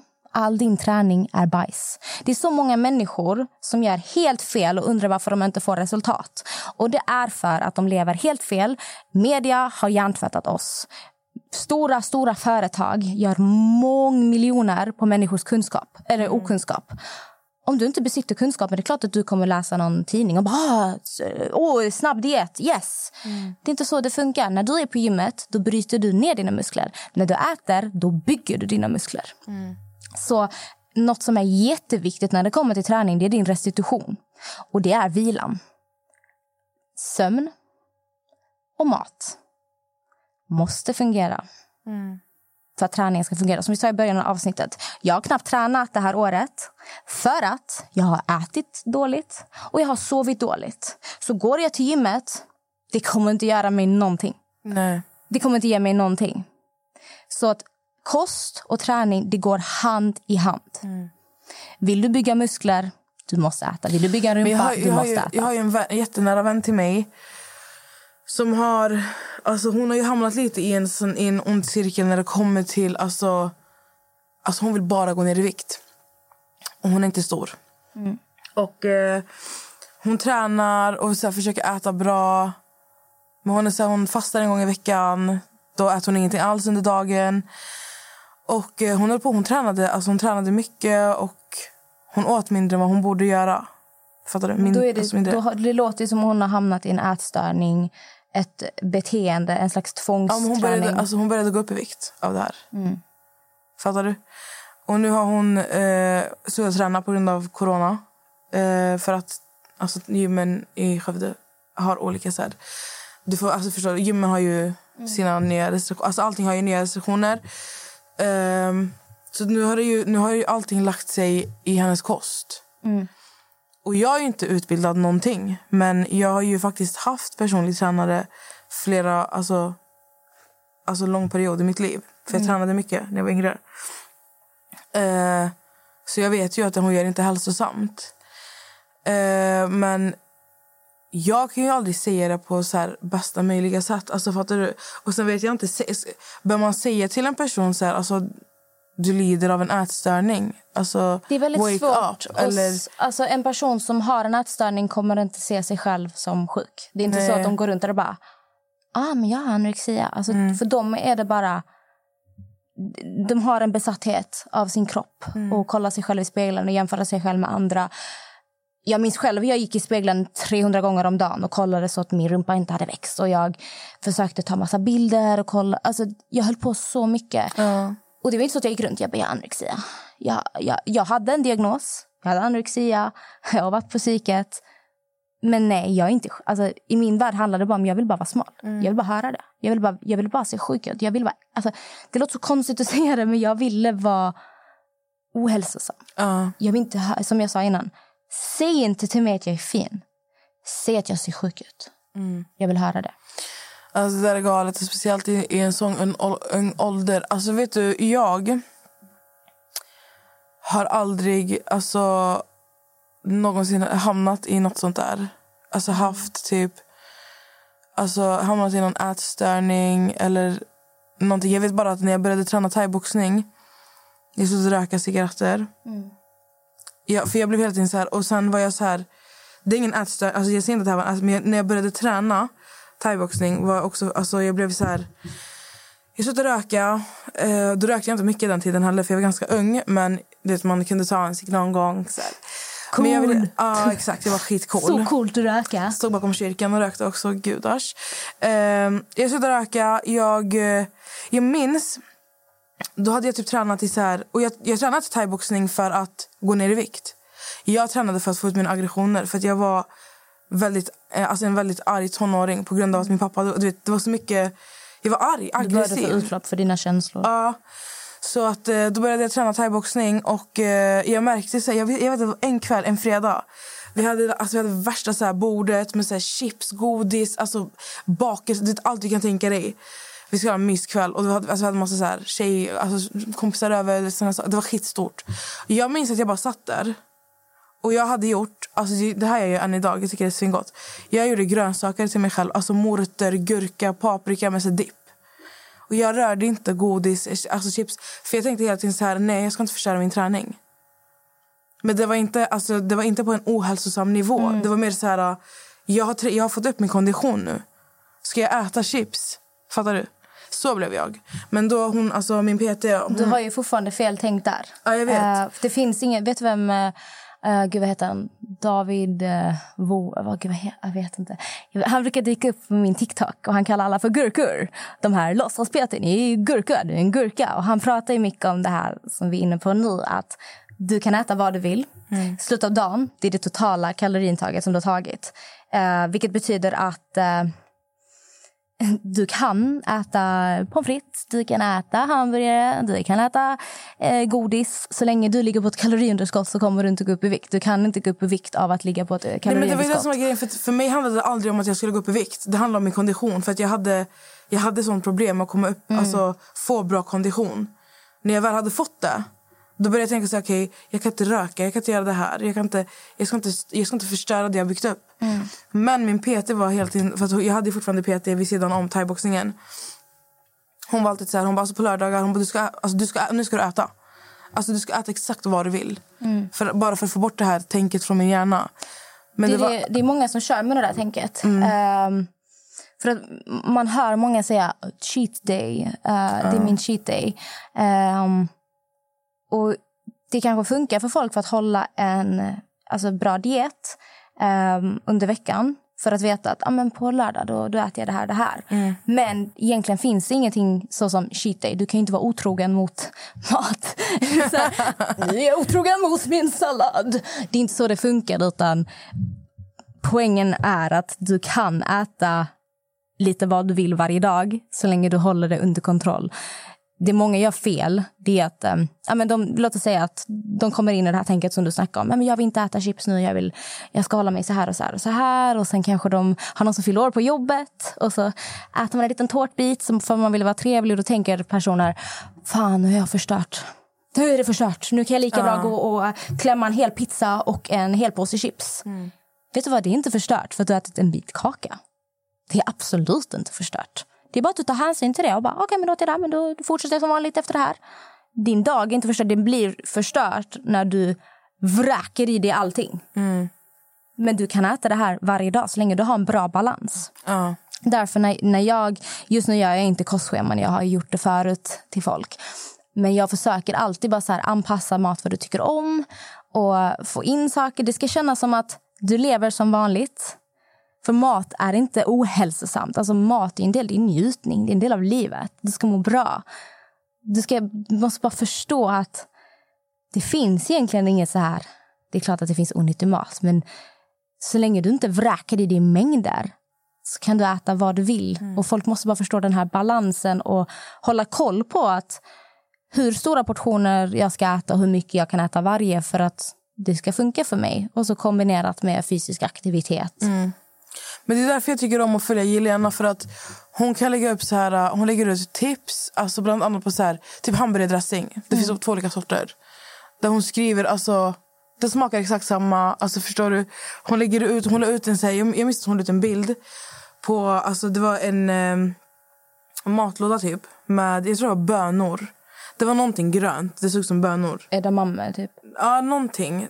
De var så här i, alltså, och sen där och så skrev hon under hur, många kalorier det var. Och sen samma, alltså, samma matlåda fast med mat och alltså, kött och sallad och det var potatis och du vet så här. Och det var lika mycket kalorier. Ja. Förstår du? Det var, det var något sånt där hon, hon jämförde med. Och vet, Eller menar du att det var nötter hon la kanske? jag vet inte vad det var. Jag vet inte exakt vad det var på den här bilden. Det såg ut som bönor. Men det kanske är, det är någonting. Nej, men jag är- har sett eh, liknande bilder. Ja. Och hon la ut det här och jag blev så här, du vet när jag ser det här, jag blir så här, du vet det hjälper ju, det hjälper ju hjärnan att tänka att så här, ja men det kanske är bra att äta en måltid och inte sitta och äta, fan jag, ärtor och tänka att nu har jag ätit någonting bra. Och nu har ju inte ärtor så jättemycket Nej men fattar du? kalorier. Men, alltså, nu vet jag inte, jag, jag vet inte vad jag säger. Nej, men jag alltså, fattar du, vad du fattar. menar. Ehm, Men jag fattar det är som att alltså, ska du äta en handfull med... ehm, fan var det, jag, jag såg till exempel en proteinbar. Vi tänker så här, en proteinbar det, är- det är nyttigt, det är bra. Yes, yeah. Men sen kan folk se en skål med pasta som ohälsosamt. Det kan vara exakt lika mycket kalorier. ja. Och det är det- det folk har bara så inprintat bara. Det här är okej och det här är inte okej. Det här är okej, det Men här är inte jag, okej. Det är det jag menar med alltså Jelena, hon utbildar ju verkligen alltså hennes följare med, när det kommer till mat. Mm. Hon vill ju verkligen att, hennes, alltså att man ska få en kärlek till mat. Att mat är hälsosamt också. Fattar du?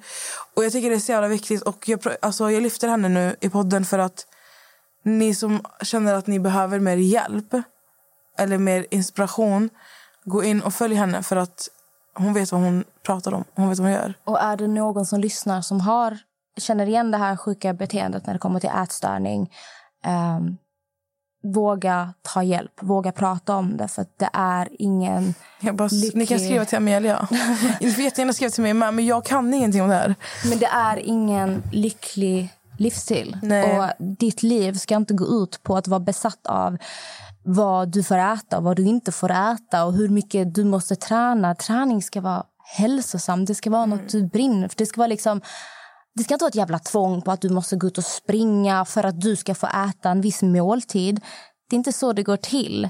Men jag tycker det är så viktigt också att alla, alltså man måste som människa alltså älska dig själv alltså som du är. Och sen är det så här, är du missnöjd med någonting, alltså, alltså det går att lösa på ett hälsosamt sätt. Alltså man ska inte ta inte för impulsiva snabba beslut. Alltså det ska inte gå, ingenting ska gå snabbt i livet. Och någonting man måste tänka på det är att alla våra kroppar ser olika ut. Vi är byggda på olika sätt. Vilket också betyder att om alla människor på hela jorden skulle äta exakt samma mat vi hade fortfarande sett olika ut. Och det är så, så att du ska aldrig jämföra dig själv med andra människor. Du kan ta, ta människor som en inspiration. Låt människor inspirera dig. Men sitt inte och dra ner dig själv för att du inte eh, ser ut som Kim Kardashian eller Nej, som det- någon alltså, annan jävla... Men det är så viktigt också att så här, om det är så att det kommer från Instagram, TikTok, någon social media, sluta följ den personen. Alltså sluta alltså avfölj. Och sen om det, alltså, om det, om det är så att du verkligen vill följa de här människorna, jämför inte dig själv med en människa på Instagram för att alltså allting ser perfekt ut. Ja, på är riktigt ju- alltså. Du kan ju vara vem du vill på Instagram. Ja. Alltså, jag kan jag- ju bestämma mig för att vara jättesavage ena dagen. Sen kan jag vara crybaby en annan dag. Ja, alltså, du gör vad du vill alltså allt du ser är inte alltid så här... Alltså det är inte perfekt. Vi ser, alltså, vi ser, vi ser bilder på Kim och Kylie och de här. De är jättevackra kvinnor. 100 procent. Men ni måste förstå att de här har opererat sig. Även om de inte vill erkänna. För jag, det, såna fällor har jag hamnat i när jag var yngre. Mm.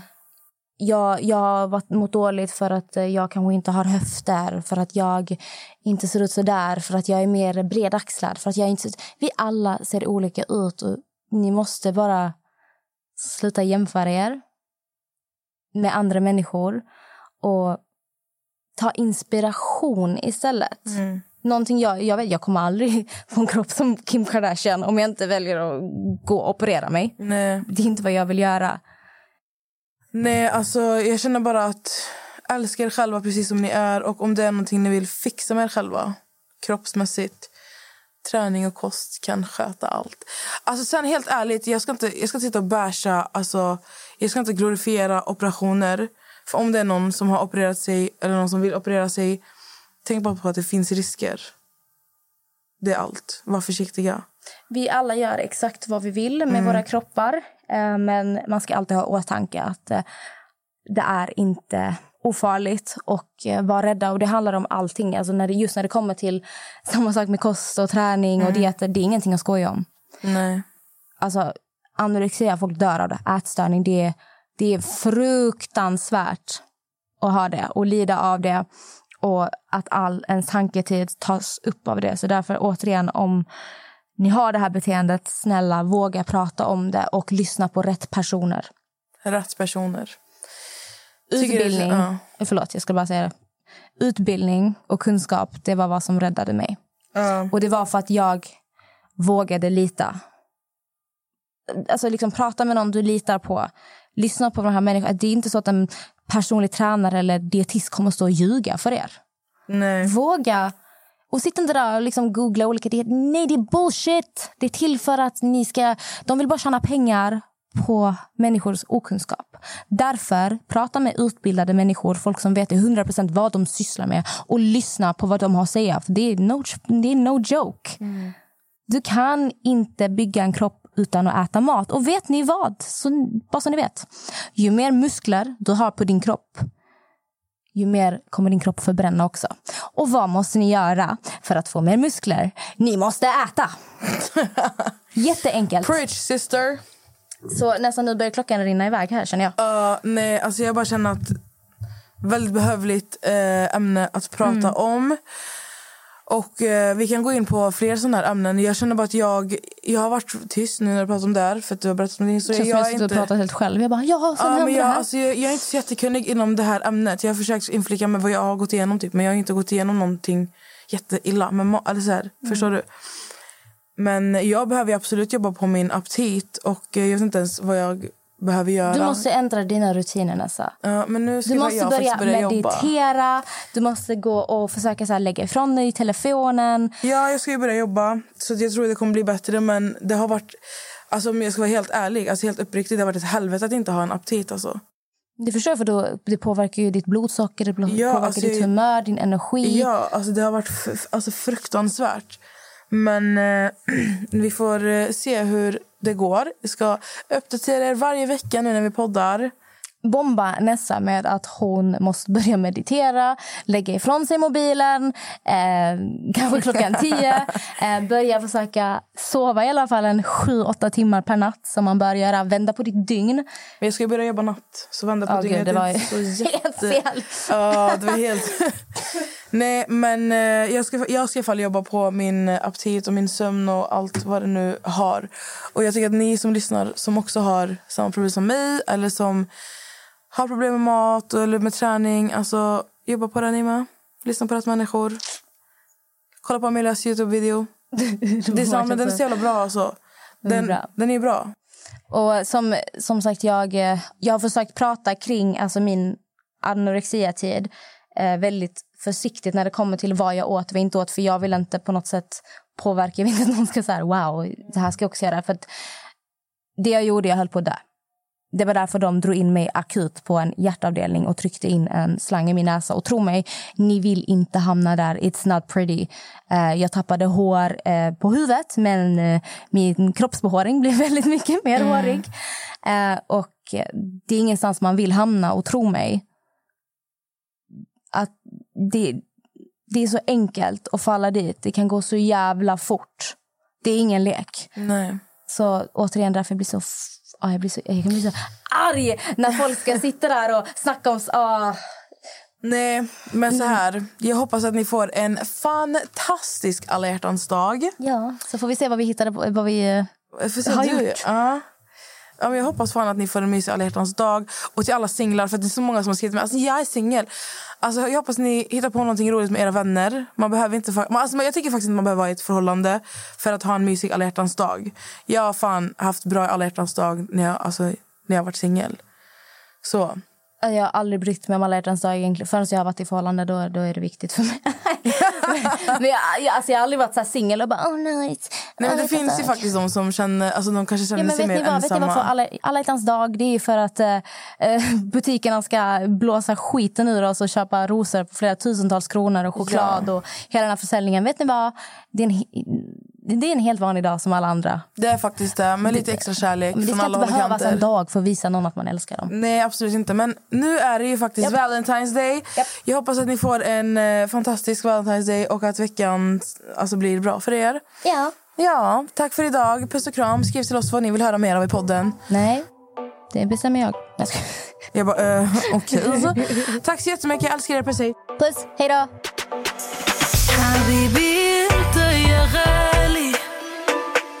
جاي يحكي لك حكاية خبرك عن حاله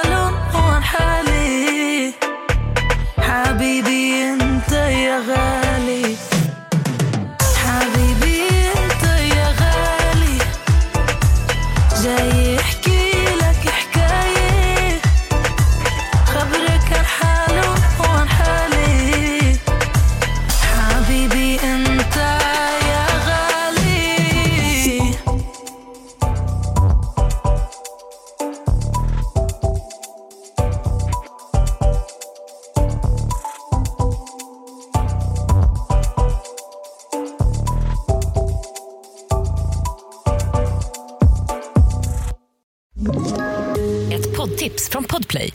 I podden Något Kaiko garanterar östgötarna Brutti och jag, Davva, dig en stor dos skratt. Där följer jag pladask för köttätandet igen. Man är lite som en jävla vampyr. Man har fått lite blodsmak och då måste man ha mer.